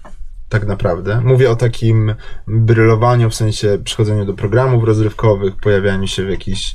E, znaczy, na, nadal was nie ma. Wiesz, no, jeszcze byśmy chcieli, ale nie jesteśmy targetem takich Mhm. mediów po prostu. Znaczy chcieli, no jakoś specjalnie się tam nie prosiliśmy, ale Mhm. nie jesteśmy po prostu targetem takich, e, jakby to powiedzieć, komercyjnych e, mediów. Mhm. No. No jednocześnie zawsze mnie bardzo zaskakiwał fakt, że na waszych koncertach było pełno, by, by, były pełne sale. A ja na przykład je- jedyną, je- jeśli dobrze kojarzę, to jedyną wiedzę a propos tego, gdzie zagra koma, czerpałem y, z ówczesnej, bo chyba już nie jest Strony. strony komaart.pl. no właśnie. Taka, taka była strona. Bo to mm, korzystali z niej ludzie, którzy są zainteresowani konkretnie tym zespołem, a fanów było wielu, nadal jest wielu, tylko zmienił się sposób komunikacji. No i o tyle, że tak długo istniejemy, zmieniło, zmieniła się też jakby warstwa tych fanów, ponieważ są tacy, którzy przyzwyczaili się i zakochali się w naszych pierwszych dokonaniach Mhm. i zatrzymali się na tamtym etapie. Natomiast problem e, z nimi jest taki, że myśmy się nie zatrzymali na tamtym etapie, tylko zaczęliśmy tworzyć trochę inaczej. I po drodze zdobyliśmy innych fanów, którzy, y, którzy, którzy polubili nasze nowe dokonania, nie znając na przykład starych, albo, e, albo też y, poszli za nami fani, którzy lubili stare, ale polubili też nowe. Wiesz, to w ogóle jest teraz taki miks e, ludzi na naszych koncertach ze swoimi własnymi opiniami i, i jakby oczekiwaniami wobec tego, co robimy, że gdybym ja chciał, wiesz, zadowolić wszystkich, Mhm. To bym chyba musiał wybuchnąć po prostu od środka. Mhm. Więc y, nie kieruję się oczekiwaniami ludzi, tylko tym, czego ja potrzebuję. I tak było zawsze. Mhm. Jedyne nie zmieniło się w zespole Koma to, że zawsze byliśmy uczciwi wobec fanów. Mhm. I zawsze działaliśmy zgodnie z potrzebą własnego serca i z potrzebą aktualnego jakby stanu intelektualno-emocjonalno-duchowego. Ale też nie stoicie dzisiaj bardzo w jakiejś opozycji, powiedzmy, do zastanego porządku. Mm, Takiego mówię o, o, o świecie internetu, powiedzmy, nie? W sensie Nie. nie kłócicie się z tym, że świat tak musi wyglądać, nie? Po prostu. Nie, no przecież też dojrzewamy z tym światem, no więc e, e, jeszcze nie jest, nie nadszedł okres demencji, gdzie wiesz, już trudno będzie przyjąć cokolwiek. No są coraz, e, jakby wiesz, ludzie żyją coraz dłużej i mm, coraz zdrowsi są, Mhm. e, wbrew wszystkim, wszystkiemu, co wiesz, całej jakby, mm, powiedzmy, mm, e, atmosferze apokalipsy, która na świecie gdzieś tam wisi w powietrzu, to są to, jest to okres tak naprawdę najlepszego momentu ludzkości w ogóle w dziejach y, i, i historii świata, nie? Więc wielu ludzi żyje na bardzo wysokim poziomie, nie ma jakichś takich ogromnych zagrożeń, nie ma jakichś ogromnych wojen. Mhm. Żyjemy coraz dłużej, więc wiesz, bądźmy optymistami. Y, I jeszcze może, y, może starość nas nie dopadnie w przyszłym roku. Natomiast, kurczę, no trudno, tak już musi być. Mhm. Fani emocjonalnie z nami związani, którzy lubią pierwsze płyty, będą narzekać. Mhm.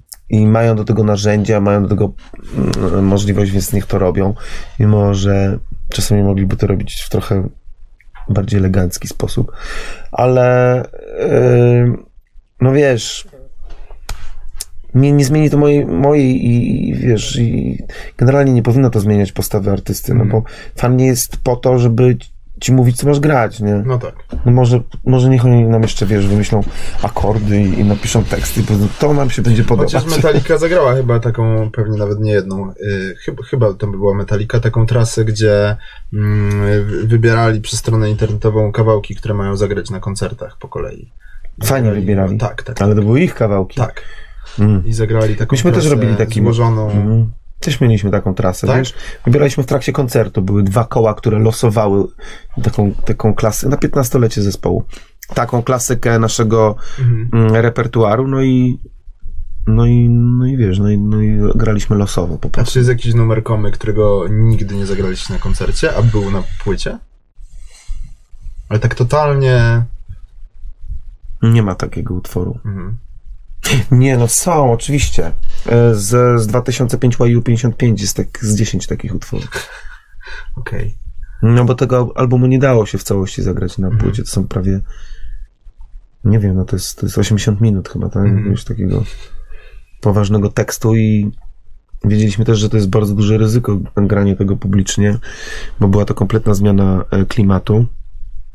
Przepraszam, ale jeszcze skorzystam nie, no, z bo nie po prostu... do końca, bo ja mam jeszcze Dobra, swoje, dziękuję. swoje picie. Masz niezwykły dar nie, nie wysuszania sobie jamy ustnej podczas mówienia. Mm, tak, no jest takich utworów sporo i one są wszystkie właśnie z Waju. Przygryzanie końcówki języka. Naprawdę. Mhm. Słyszałem o tym też, ale... końcówkę języka to nawilcza... Czasami przesadzam z tym, wiesz, bo... Tak? nie no, to... E, a wy prowadzicie jakieś statystyki, który numer komy jest najpopularniejszy wśród fanów, którego się naj, naj, na przykład najbardziej domagają? To różnie, wiesz, zależy od okolic tak naprawdę, ponieważ my nie mamy takich hitów radiowych, mhm. że wiadomo, że na przykład ten y, od, odniósł sukces mhm. w tamtym roku i ludzie go polubili. Może dwa są takie utwory, mhm. Spadam i, i Los Cebula, okay. które gdzieś tam w, w radio też się pojawiały i odniosły jakiś sukces. Y, no to w zależności od okręgu y, ludzie oczekują albo mają jakby swoje ulubione kawałki po prostu. Okay. Albo też w zależności od pokolenia, które przychodzi na mhm. koncert, czy są to starsi, czy młodsi fani. Mm, czyli to jest specyfika klubu, który przyciąga takich albo takich. Mm, e, no ale jest kilka takich, wiesz, szlagierów, które mhm. Mm, które ludzie zawsze chcą usłyszeć na koncercie. No ten Spadam mi się chyba tak faktycznie najbardziej... Spadam, a i Los Cebula i Krokodyle Łzy właśnie mhm. są te, te, dwa utwory, które zawsze są witane gromkimi e, brawami. Okej. Okay. Um, cofnę się jeszcze troszeczkę do, do, do, do, jeszcze dalej, do jeszcze bardziej zamierzchłych początków zespołu Koma. Mm, zawsze na początku istnienia Koma gdzieś troszeczkę was porównywano, ale chyba to nie było złe porównanie dla was, bo czerpaliście pewnie jakieś inspiracje z zespołu Pearl Jam. Faktycznie, jak słucham mm, pierwszych kawałków, jeszcze takich, które nawet na płytę nie weszły, to mm. teraz to widzę, wtedy nie do końca to widziałem, mm. ale faktycznie Mm, no to było podobne do, do zespołu Pearl Jam, trochę gdzieś w wymiarze emocjonalnym, brzmieniowym. Zmierzam troszkę do tego, mm, tak może przewrotnie, że wy się kompletnie nie angażujecie politycznie na przykład, nie, nie widać was w jakichś takich akcjach społecznych, e, a Pearl Jam z kolei jest w zupełnie innym zupełnie innym miejscu patrzenia na takie angażowanie się. Są mega zaangażowani. Mhm. E, z tego co pamiętam kiedyś tylko nie wiem gdzie to było, odwołali koncert w jakimś stanie w Stanach Zjednoczonych, mm, tylko dlatego, że ten stan y, zmienił prawo na niekorzyść y, osób LGBT, Mhm. a oni stwierdzili, że się z, tym tak bardzo nie zgadzają, że w ogóle nie zagrają w tym No stanie. to teraz już nigdzie byśmy nie grali. No. Wiesz, Polska jest takim stanem małym, nie? Wiesz co, no ma, komentujemy jakby rzeczywistość również polityczną. Mhm. E, takie odniesienia są w różnych utworach e, naszego, e, naszej twórczości. Natomiast osobiście rzeczywiście nie, nie zabieramy głosów w tych, tych dziedzinach, ponieważ e, to sprawia, że kiedy człowiek angażuje się w takie tematy w, w naszym kraju, staje się człowiekiem nieszczęśliwym i smutnym, Mhm. wiesz.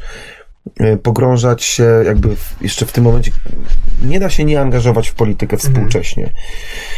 Yy, Ponieważ każdy z nas yy, ze względu na trudną sytuację naszego kraju związaną z,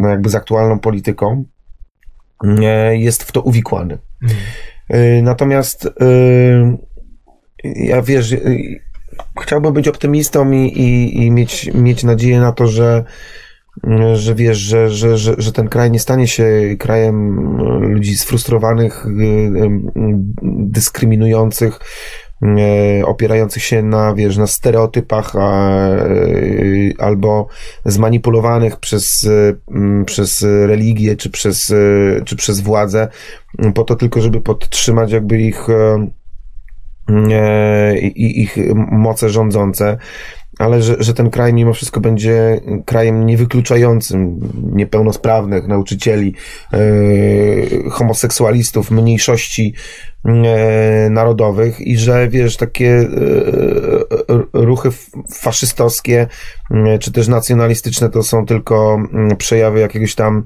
powiedzmy kryzysu, Mhm. czy też jakiejś słabości, która e, w tym kraju w tym momencie e, się objawia. I nie tylko w tym kraju, bo na całym świecie tak naprawdę. Ludzie popadają w jakiś rodzaj mm, braku zaufania wobec mm, demokracji i wolności, ale to chyba jest naturalny ruch historyczny. Mm, Jestem optymistą, mam nadzieję, że nas zaprowadzi w takie miejsca, w których to się nie stanie zagrożeniem dla, wiesz, dla, dla, dla, dla, dla, dla, dla ludzkości. Nie? Oglądam właśnie serial trochę z opóźnieniem, ale opowieść podręcznej A, okej. Y, i Przerażająca wizja. no i kurczę, zbyt y, jakby taka prawdopodobna po prostu, Mhm. wiesz. Trochę em, a propos seriali Black Mirror. Ten Mhm, widziałem mm, kilka, może Znaczy, mnie kilkanaście ten serial nie powala, aczkolwiek Mnie też nie fajnie, powala. fajnie pokazuje pewne, pewne sytuacje. Dobrze, że jesteśmy w takim cię... Albo y, y, Człowiek z wysokiej wieży, Dicka, oglądałeś to? To jest o, o na podstawie powieści Dicka. Y, mm, Człowiek z wysokiej wieży, tak, jeżeli dobrze mówię tytuł. Mhm. y, historia równoległej rzeczywistości, y, y, w której hitlerowcy wygrali wojnę. Serial na, na budżecie i poziomie finansowym takim, że trudno jest w to uwierzyć, że to jest serial Mhm. i no wizja po prostu takiej, wiesz... y, Ale to jest coś e, Apokalipsy. nowego, tak? Nie, nie, to chyba już dwa lata temu było Okay. publikowane. To kilka sezonów, to na Amazing, A, z tego co mi się wydaje, na, na Prime to było. okej, okej. E, Dostępne. Ale to musisz obejrzeć, bo to jest niezwykłe doświadczenie. Człowiek z wysokiej wieży. Mhm. Okej, to, to, to mm, zapamiętam. Ym, Pozostając w tym może trochę cięższym klimacie, przychodzi mi jeszcze a propos Pearl Jamu pewna rzecz do głowy. Yy, mianowicie mm, wy się na pewno też z tym w jakiś sposób mierzycie mm, jako zespół z założenia powiedzmy rock'n'rollowy. Yy, choć nie, nie wątpię w ten rock'n'roll. Mianowicie z jakimiś takimi codziennymi zagrożeniami mm, z życia rock'n'rollowca, ale mówię to śmiertelnie poważnie. Trochę przyszło mi ostatnio tak do głowy, że w gruncie rzeczy z wielkiej czwórki z Seattle mm, no trzech z czterech już nie ma, nie? Czyli Cobain, Staley Mhm. i, i Chris Cornell. E, I, i, i też mm, ciężko, wiem, wiem, że to brzmi hardkorowo ciężko, ale też ciężko mi sobie wyobrazić, żeby to był czysty przypadek, nie związany z rock'n'rollem. W sensie, em, czy, czy mm, wy na przykład graliście przed, przed Pearl Jamem chyba w 2007 roku i przy tej Tak. okazji grał też Linkin Park. Mhm. I Chester skończył też w bardzo, bardzo przykry sposób. Mhm. E, I zastanawiam się, jaka tej światowej pewnie skali nie jesteś w stanie ocenić, ale jakby jakie czyhają na was rock'n'rollowców zagrożenia, które sprawiają, że zazwyczaj rock'n'rollowcom żyje się hardkorowo źle, chociaż jesteście kolorowi w telewizji. Ale no nie tylko rock'n'rollowcom. Wiesz, y, powiem ci tak, to jest zagrożenie własnego ego. Mhm. jakichś deficytów y, i oczekiwań zewnętrznych y, spowodowanych osiągnięciem sukcesu. Mhm. Jeżeli nie wyzwolisz się spod piętna własnego sukcesu e, i będziesz szedł właśnie do końca za głosem publiczności, e, a jeszcze dodatkowo, jeżeli uwierzysz w etos rock'n'rollowca, nieaktualny już kompletnie, związany z narkotykami, e, wiesz, e, przygodnym seksem i e, jakimś Może takim... Nie, alkoholu. I... no tak, tak. n- Może alkoholu, niezdrowym trybem życia, a potem się zastanowisz, Jezus, ile ja mam lat i czy ja całe życie naprawdę muszę czuć ból głowy Mhm. i czy to wszystko jest tego warte. Oczywiście, no wiesz, że fajnie jest zrobić ogromną karierę, ale fajnie jest też zrobić fajną karierę i na przykład powiedzieć sobie, ja już nie muszę mm, za taką cenę e, odnosić więcej sukcesu. Tylko, że to jest bardzo trudne Mhm. bo jednak e, ludzie kładą na tobie swoje oczekiwania, ale wiesz, to się dzieje nadal. I to w, w kosmicznym jakimś wymiarze, wiesz, w, e, jakby w hip-hopowym świecie. Przecież tam umierają chłopaki, wiesz, sprzedaw, sprzedawkowania tego syrup, czy jak oni to nazywają, to są jakieś e, syropy, wiesz, mieszane ze Sprite'em Okej. w Stanach Zjednoczonych e, pochodne e, jakichś opioidów. Okej. No i wiesz, chłopaki jadą na tym po prostu e, masowo, bo to jest po prostu mega popularne i umierają jeden po drugim po prostu, nie? I, Mhm. E, i to jest plaga generalnie, wiesz, e, z tego co wiem w Stanach Zjednoczonych mnóstwo artykułów na ten temat powstało. Jak się mm, nazywał ten chłopak e, kurczę, on ma teraz jakieś sukcesy odnosi. Boże, no dobra, nieważne. no. Zmarły już chłopak, czy Tak, tak, zmarły. Mac Miller? Mac Miller, no właśnie, Mac Miller, cudowny, mega uzdolniony e, hip-hopowiec, który notabene też fantastycznie śpiewa, nie? Mhm. No to on właśnie, wiesz, był uzależniony od tego specyfiku, nie? I to Mhm. między innymi dzięki temu się wy, wykończył, ale to jest jeden tylko z takich większych nazwisk, jest, Bo ich znacznie więcej. Wiesz, to, to po prostu jest problem z tym, że, że jesteś człowiekiem, który ma jakieś, no wiesz, no, zderzenie dwóch światów, nie do końca przepracowane swoje własne problemy, Mhm. i spo, y, sukces osiągnięty powiedzmy dzięki jakby drodze eksploatowania Mhm. tych tematów związanych z twoimi problemami i jakby pustka, która zieje między, między twoim nie, nie, nie, nie, nieprzepracowanym problemem, a, a, a, a oczekiwaniami związanymi z tym, jakim jesteś mega człowiekiem, bo ty zaczynasz w pewnym momencie, kiedy odnosisz sukces, wierzyć, że jesteś kimś wyjątkowym. Mhm. A później przychodzi zderzenie. Ale to nie jest prawda, no bo nie jesteś kimś wyjątkowym. Mhm. Tylko ludzie ci wmawiają, że jesteś i ty zaczynasz w to wierzyć. Mhm. A przychodzi moment czasami, że zostajesz sam, albo przychodzi moment, że nie zostajesz sam. I że, że wiesz, zachodzisz tak daleko jak a, e, gwiazdy amerykańskie. No ale w końcu po koncercie wracasz do hotelu, nie? I, i kumple już e, wychodzą z pokoju, już nie ma nikogo, nie? Mhm. Więc kiedyś trzeba wytrzeźwieć, nie? I, i wtedy jest bardzo źle, no. Okej. Więc e, albo jedziesz dalej w, wiesz, w uzależnienia, albo po prostu mówisz dość i tylko to jest trudne, nie? Mhm. Zastopować swoją karierę i skoncentrować się na tym, że ty jesteś ważniejszy jako człowiek i że tak naprawdę nie jesteś nikim wyjątkowym, Mhm. bo wielu przed tobą i wielu po tobie zrobi taką samą karierę albo po prostu mogłoby zrobić, gdyby dostali takie same warunki jak ty, no. To mi się też składa z ym, social mediami, o których mówimy, nie? Że jakby kolejne dzisiaj, kolejna pułapka to są, to jest hejt na przykład, czy ty masz, mm, nie wiem, po 20 latach w, w komie ciebie do tykają, bolą cię mm, komentarze? Wiesz co, miałem z tym problem przez jakiś czas Mhm. i kurczę, szczerze mówiąc, przeżywałem e, nawet, bo dla mnie to było niezwykłe, bo nikt w rozmowie, wiesz, e, w, prosto w oczy w taki sposób e, nie był w stanie mnie potraktować, w jaki sposób są w stanie ludzie potraktować kogoś innego w internecie. Mhm. kiedy sami, nie wiem, czasem na przykład po piwku e, wypisują dla ulgi e, e, swojej mm, ciężkiej doli hejty na innych albo, mm, albo po prostu mają z tego fan. Ale wiesz, nauczyłem się traktować to z dystansem na zasadzie, że no wiesz, to nie są ludzie, którzy mogliby ze mną porozmawiać, wiesz, face to face, nie? Bo pewnie albo by y, się wystraszyli, albo nie mieliby tyle śmiałości, żeby się zachowywać w taki bezczelny sposób, albo tak naprawdę zrozumieliby, że, y, że, że tak się nie nagadać, nie? Więc Mhm. e, przestało mnie to irytować, natomiast no, czasami, y, czasami jest to takie po prostu wiesz, tak jak komar ci usiądzie, wiesz, lata ci gdzieś w pokoju, nie? I się ekstra, w ogóle jest wspaniała noc e, e, wakacyjna, księżyc świeci pełni, ale wiesz, że gdzieś to gówno gdzieś ci lata w powietrzu, że, że cię może ugryźć po prostu, wiesz, e, w nogę i będzie, będziesz musiał się drapać. No to jest coś na tej zasadzie, nie? Mhm. Tak, tak traktuję hejterów. Ale czy miałeś na przykład coś takiego, co no, no może nie tyle, że cię zabolało, ale bardziej mm, przeczytałeś i pomyślałeś, kurczę, mo- może trochę prawdy?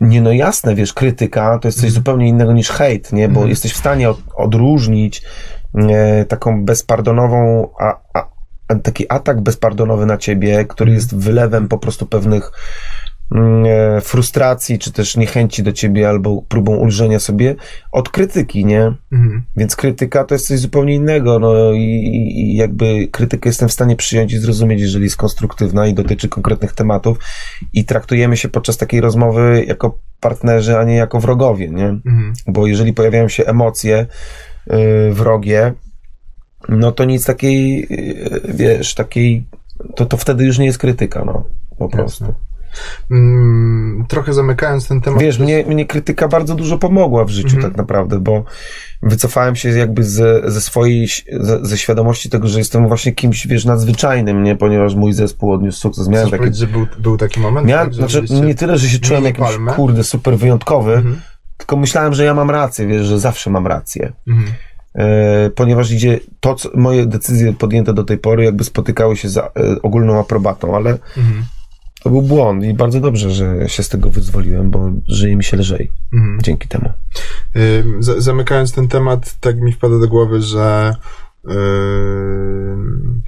jest taka popularna opinia, że właśnie hip-hopowcy, że nie zostajesz hip-hopowcem, jeśli nie miałeś problemów w życiu, nie? W sensie, trochę to, co mówiłeś, że jak nie przepracujesz czegoś tam z, ze swojej przeszłości, to nie możesz sobie pozwolić na jakąś świadomą, powiedzmy, karierę, tylko jest, jest ta luka, której nie, nie wypełniasz przepracowaniem jakiegoś problemu właśnie i, i dlatego to się źle kończy. No chyba tak było też z rock'n'rollem w Właśnie, swoim czy to czasie, tak nie? trochę nie jest z rock'n'rollem, że mm, jak nie jesteś gdzieś tam pokopany, to nie jesteś autentyczny na scenie na przykład. No nie wiem, wiesz, czy w każdym przypadku, Mhm. yy, no nie sądzę, że, znaczy nie no, Radiohead to też są nieźli pokopańcy, jakby nie było, wiesz, yy, tylko w jakiś trochę inny sposób. Mhm. Przecież ten Creep to jest w ogóle, wiesz, taki hymn po prostu pokopańców, nie? Trudno mi się wypowiadać na ten temat, wiesz, bo, bo nie znam po prostu wszystkich kapel na świecie i, i no nie wiem, ostatni bastion rock'n'rolla Jack White Mhm. też nie jest do końca jakby, wiesz, facetem, z którym można by po prostu przy kawce sobie porozmawiać na temat sztuki współczesnej. Nie? No tak, trochę tak. Ma jakiś swój świat po prostu, nie? Może to jest warunek tego, żeby coś tam osiągnąć w, w tej dziedzinie. Mhm. A, a propos dziedzin, którymi się zajmowałeś, czy też zajmujesz po części, chciałbym wskoczyć na dwie minuty mm, w aktorstwo. Mhm. Yy, Po pierwsze studiowałeś na PWST w Krakowie. Tak. To, to, to pewnie wspominasz jako cudowny okres i Kraków to fantastyczne miasto i możesz same dobre rzeczy powiedzieć. Mówię tak, bo jestem z Krakowa. Właśnie nie do końca, wiesz. Miałem trochę kłopotów, a to wynikało z jakby trybu życia, który mi się pojawił. Mhm. I no sam przysłużyłem się temu, że e, no nie było w tej szkole do końca kolorowo, Mhm. ale to no to w dużej mierze ja zawaliłem, wiesz, bo w tym czasie e, zespół zaczął odnosić sukcesy. Mhm. Ja też wyjechałem ze szkoły, bo dostałem się e, do takiego studium, które się nazywało Teren Warszawa. E, I nie było mnie rok w szkole i pracowałem tutaj z prawdziwymi aktorami, z prawdziwymi reżyserami i w tym czasie też rozwijała się kariera zespołu, więc dużo mnie nie było na zajęciach. Potem miałem dziekankę i w ogóle, wiesz, no ciężko mi było tam później skończyć tę szkołę. Eee, Na szczęście, wiesz, no spotkałem też wielu bardzo ważnych ludzi dla siebie tam, eee, którzy swoim mega mm, jakby pedagogicznym talentem pokazali mi jakieś punkty, które zrozumiałem albo od razu, albo trochę później i pokierowały moim jakby życiem też e, e, w jakiś tam sposób, więc to nie był tylko czas takiej, takiej wiesz, męki e, albo, albo trudu. Ja tam się bardziej ze sobą męczyłem, wiesz, i, e, niż z nauczycielami. Oni ze mną też się pewnie trochę męczyli. E, I, ale wiesz, no to spełnienie marzeń, no, że ja się tam dostałem, nie, że mogłem spotkać takich profesorów. Gdybym się tam nie dostał, to pewnie byłbym bardzo, nie poszedłbym już nigdy w stronę aktorstwa, byłbym mega sfrustrowanym człowiekiem, wiesz, bo to było takie moje spełnienie marzeń, nie? Że, że mogłem Okej. spotkać tych ludzi, moich mistrzów, o których czytałem, wiesz, w tych czasopismach teatralnych i Kto był wtedy dyrektorem PWST? Jerzy Sztur. A, okej. To... Też mm, jakby robiłem z nim dyplom i Mhm. miałem okazję popracować z nim nad e, mm, na jego sposób, wiesz, nad warsztatem aktorskim i bezcenne doświadczenie, no. Mhm. To, to też ciekawe, co mówisz, bo tak dokładnie kojarzy się wszystkim rock and roll trochę, czyli em, ciężko sobie wyobrazić rock and rollowca, który był sumiennie przez 5 lat siedział w ławce na zajęciach y, na studiach, tylko raczej się w serce wyrywało w każdą inną stronę po prostu. No, tak to wygląda i Mhm. tak było w moim przypadku, aczkolwiek z- znam bardzo wielu młodych ludzi, którzy odnoszą w tym momencie sukcesy właśnie dzięki zupełnie przeciwnej postawie. Mhm. Czyli rzetelności, sumienności, pracy nad sobą i jakiejś regularności. Mhm. I to Ja jest uczciwe. Ja pamiętam, że po, chyba filmie Skrzydlate Świnie, w którym grałeś główną rolę z Pawłem Małaszyńskim, No, drugoplanową. Ma- Paweł grał główną. Nie umniejszałbym Okej, na dziękuję. Nie, no tak to zostało nazwane, wiesz, w scenariuszu, więc nie E, umniejszam po prostu. Trzymam się faktów. Wydaje mi się, że była jakaś taka rozmowa po, po tym. ym, Nie wiem dlaczego kojarzę to z jakąś rozmową u Kuby Wojewódzkiego. Ym, Paweł mówił, że ponieważ on też w jego przypadku to chyba raczej trzeba nazywać muzykowaniem, że on mówił, że gdyby miał, jest ak- aktorem śpiewającym, ale gdyby miał wybrać, to chciałby się utrzymywać ze śpiewania. Yy, I wydaje mi się, że ty wtedy miałeś taką odważną tezę, że, że postawiłbyś na aktorstwo, gdybyś musiał wybrać jedną z dwóch działek. Gdybym musiał, Mhm. teraz bym tak zrobił. Tak? Wiesz co, bo no ja już sporo przeżyłem na rynku muzycznym, więcej pewnie niż Paweł Małaszyński. Oj, zdecydowanie. No właśnie, a aktorstwo jest taką nie do końca przeze mnie e, tak naprawdę no, powierzchownie tylko potraktowaną e, częścią mojego życia. Natomiast roztacza przed e, powiedzmy sobie wrażliwą wyobraźnią nieskończone perspektywy rozwoju Mhm. i nieskończone perspektywy, wiesz, jakby interpretowania tej rzeczywistości artystycznej, czy też e, emocjonalnej, czy też ludzkiej, Mhm. socjologicznej. Warunek jest taki, że no spotykasz dobrych, znaczy właściwych y, ludzi we właściwym czasie i robicie właściwe rzeczy, no bo gra w serialu e, czy mydlanej operze Nie jest dla jakiejś telewizji mm, drugoplanowa e, rola oparta na sztampie, mechanizmach i e, od twórczości, to nie jest e, jakby spełnienie marzeń. Okej. Ale ym, czy to może oznaczać, że jakiekolwiek rozmowy prowadzisz y, nad jakąkolwiek rolą? Ja zawsze prowadzę rozmowy, Tak. tylko one się rzadko zdarzają. Okej. Wiesz co, teraz będzie premiera spektaklu teatru telewizji, w którym miałem. To słyszałem. No Tak. właśnie, miałem przyjemność zagrać e, też drugoplanową rolę razem ze wspaniałym Woj- Wojciechem Mecwaldowskim. Mhm. E, Uwielbiam. Uwielbiam, naprawdę. no, e, który tam zagrał e, główną rolę. Mm, e, I, i, I pojawiło się tam jeszcze wiele znakomitych postaci polskiej sceny i, i wiesz, to, to będzie też ciekawy, ciekawy tekst. Mm, I premiera ma być 20 maja. Mm, Nie widziałem jeszcze tego, ale podobno wyszło nieźle, więc wiesz, dla mnie to była wspaniała praca, po której zyskałem bardzo dużo e, ciekawych, ciekawych doświadczeń. Mhm. Marian Opania grał, mm, albo inaczej, ja grałem młodszego Mariana Opanie, nie? czyli tą samą postać, tylko że, że, że 30 lat, lat wcześniej. Super. Też mieliśmy okazję spotkać się na planie, zamienić kilka zdań. Mhm. Kurczę, no super doświadczenie. No Oprócz tego e, Kamila Bar tam się pojawia, Mhm. e, Julia Wieniawa w bardzo ciekawej roli, naprawdę mhm. niesamowicie zagranej, to jest, e, co, co byłem e, też jakby pełen podziwu. Mhm. E, Więc wiesz, kurczę, no dużo fajnych rzeczy się tam dzieje. A ty masz y, czas w ogóle na oglądanie filmów przy tym natłoku? Tak, oglądam, wiesz, e, seriale, no wpadam w różne seriale też, tak jak Mhm. wszyscy. Teraz e, siedzę w ciekawym serialu francuskim, który się nazywa Poznaj mojego agenta, tak? Czy mój agent? Czy nie, gdzie jest mój agent? O, tak się nazywa. I e, no i właśnie ta opowieść podręcznej. Mhm. ale głównie lu- lubię takie freakowe seriale, którymi, których, fanów je, e, których fanem jest Paweł Cieślak, czyli nasz muzyk i on mi podrzuca takie właśnie e, tematy i, i no, na, największym fanem jestem on chyba też serialu Preacher na podstawie, e, na podstawie komiksu. E, bardzo szalony e, pomysł. Okej.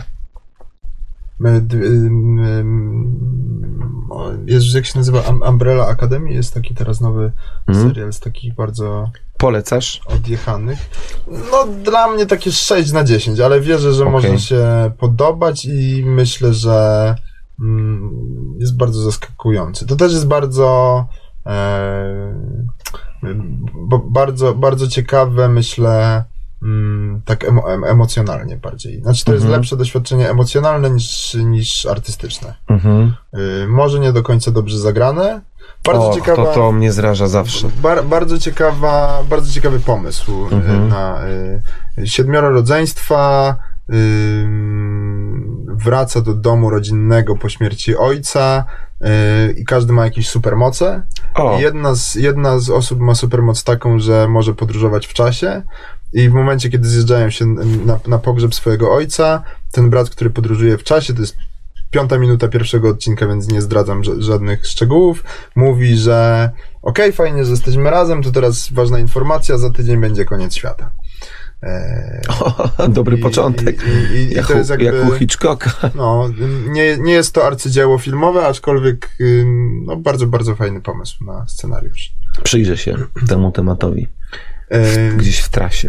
Tak na zakończenie, y, jeszcze y, minimalnie o Piotrze Roguckim solo.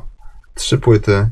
Mm, Jedna bardzo bliska mojemu sercu, 95-2003, czyli wszystko to, co mm, znajdowałem o komie w okolicach roku 2003-2004, czego jeszcze nie było na płytach wtedy. A czy wtedy jeszcze nie było pierwszej płyty nawet, ale Tak, później tak. to się przez lata Wtedy nie, było pojawiało w niczego, ogóle, tak naprawdę. No. Em, piosenka pisana nocą, czy... no tak, ale to nie koma, to jestem ja. Tak, Chociaż ro, robione też czasami z muzykami z komy, czyli z Mhm. Dominikiem Witczakiem. Dwa pytania przy tej okazji. Czy Piotr Rogucki solo powróci? A drugie Tak. pytanie, czy O, to jest jeszcze fajnie dużo jakichś fajnych numerów mm, z demówek albo powstałych między płytami, które mogą się pojawić i ukoić głos E, między płytami nie ma żadnych utworów, Mhm. wykorzystujemy wszystkie, taki mamy styl. Mhm. Mm, Jeżeli któryś nam się nie podoba, to go po prostu nie, nie, nie kończymy, nie realizujemy go. E, Z demówek e, wydaliśmy w zeszłym roku z okazji dwudziestolecia taką, po prostu zmasterowaliśmy demówkę, która Mhm. krążyła gdzieś tam w, w łódzkim e, środowisku naszych pierwszych fanów w latach Mhm. 90. jeszcze. I, i, I wszystkie utwory, które tam się znajdowały i które graliśmy na koncertach i które nigdy nie były zarejestrowane na, Mhm. na takiej oficjalnej płycie, wydaliśmy na tym krążku i żaden z nich nas nie przekonał do tego, żeby go nagrać jeszcze raz. Mhm. Solowo na pewno będę dalej e, działał. Mam do wykończenia dwa tematy i być może uda się stworzyć jeszcze nowy projekt, bo myślę o tym, Okej. który powiedzmy sobie jest już dosyć mocno zaawansowany, jeżeli chodzi o pracę nad e, utworami i pomysłem e, estetycznym, Mhm. czyli koncepcją w ogóle tego wszystkiego i, i to mnie bardzo kręci ten nowy projekt, czyli nowy nowy, nowy, nowy twór artystyczny, bo projekt to takie słowo, wiesz, użytkowe, Mhm. a to będzie zespół, właściwie nowy zespół. Okej. To z No. kolegami zauważyliśmy, że na przykład słowo formacja jest zarezerwowane dla zespołów disco polo. To jest takich ciekawostek słownych, że oni się zawsze przedstawiają Mhm. jako... No w takim razie nie Formacja. będzie to formacja. Mhm. Będzie to zespół, po prostu zespół. Okej. Czy panowie z Komy pomagają, czy solo to solo i... Wiesz co, w tym wypadku y, nie pracuję nad następnym solowym albumem. Y, pracuję właśnie nad tym, nad Tajnym nową projektem. formacją, Mhm. Okej. nad nowym y, zespołem i, i nad materiałem, więc tam y, chłopaki nie pomagają. Okej. Okej, nie mają wstępu. No to może dobrze. Zupełnie in, potrzebowałem zupełnie innego źródła inspiracji i, i tworzenia. Ale też wierzę, że po 20 latach musicie mm, łapać trochę oddechu. O, musimy odpocząć, to prawda. Ty bardziej, że wiesz, wydaliśmy trzy albumy, jeden Mhm. po drugim, praktycznie No tak. rok po roku, Mhm. a kiedyś wydawaliśmy jeden na dwa lata i, i to i tak było dużo. Jaka była największa przerwa między Pięć lat. czerwonym a... Pięć lat. No. W którym miejscu Między- była przerwa? Między czerwonym a... Między Czerwonym a YU. Tak, tak. YU, no. Nieźle. No, wyobrażam sobie, że można się udusić przez 20 lat w jednym... 21 już 21, aktualnie. No. Wiesz, no nie udusić, ale e, Tak, po tak, prostu ale... kiedy całe twoje życie jest dyktowane przez Mhm. jeden mechanizm, no to w pewnym momencie Też się trzeba konfrontować go z na, innymi jakimiś... naoliwić. Jasne, konfrontować z innymi światopoglądami. na Tak, przykład, bo nie? się no, Mhm. udusisz, no, no nie da się żyć, No no. tak. Dobrze, bardzo serdecznie dziękuję. Jakoś to zleciało. Mam nadzieję, że nie było męcząco Było miło. za dzisiejszą Bardzo. rozmowę. Jest tu ciepło? Wszyscy Tak, zrobiło się ciepło strasznie, no, Że po jakim- czasie. Po jakimś czasie się robi Mhm. dopiero ciepło. To nasze słowo. oddechy chyba to sprawiły. Mm, bardzo dziękuję za to spotkanie. Liczę jeszcze na więcej przy okazji na przykład Piotra Roguskiego solo albo nowej płyty. Jeśli wyjdzie za rok, to, to już za rok się widzimy z, z nową komą. Trochę nie, to jest trochę Aha, z, z nową komą za rok. O, ho, ho. To jest trochę trochę Woody'ego Allena, nie? Że on rok po roku wydaje chyba No, on trochę zmylił trop teraz No. ostatnio niestety. No, trochę tak. Ale no nie, nie, nie, nie. Wiesz, chciałbym też pożyć trochę Mhm. normalnie. A nie tylko studio, trasa i z powrotem studio. No właśnie, i robienie nowego materiału. Teraz był. Słuchaj, no jeżeli dobrze się przyjrzeć, to. No to cztery albumy wydałem rok po roku w tym momencie. To był solowy, Śliwa, Śliwa. później Koma YU, potem e, Koma Metal Ballads i teraz e, Sen. e, e, Sen o siedmiu szklankach. I to są cztery lata, rok po roku, wiesz, nowy album, nie? Praktycznie, więc to jest dosyć intensywna praca. Mimo, że to przyszło bardzo naturalnie, to Mhm. jednak odczuwam, e, odczuwam to jako, jako wysiłek. No jakby policzyć jeszcze y, Excess, Downside i Te dodatkowe sytuacje, no to tak, Knife, to to trochę tego było, no. praca rok po roku, nie? Mhm. Naprawdę w jakimś wydawnictwie. Życzę w takim razie chwili odpoczynku i mam nadzieję spotkania na przykład, y, nie wiem, na, na wielkim ekranie powiedzmy. A czy ja będę oglądał? No, byłoby bardzo miło. Może się coś takiego pojawi. Jak się pojawi, to dam Albo, znak. albo, albo roli w dobrym serialu jakieś. E, Kto wie, takie rzeczy się zdarzają. mhm. Wystarczy, że się coś takiego zdarzy. I to jest bardzo dobra puenta. Dziękuję Was y, oczywiście serdecznie. Zapraszam na kolejne odcinki naszego podcastu, który znajdziecie na YouTubie, na Spotify i w innych pięknych mm, serwisach. Y, Zresztą, jeśli to słyszycie, to znaczy, że wiecie, gdzie tego słuchać. Dziękuję i do usłyszenia. Dziękuję też. Dzięki. O, sorry, bo tak spuentowałem za ciebie. Nie, jest okej. Dobra. Nie wytniemy tego.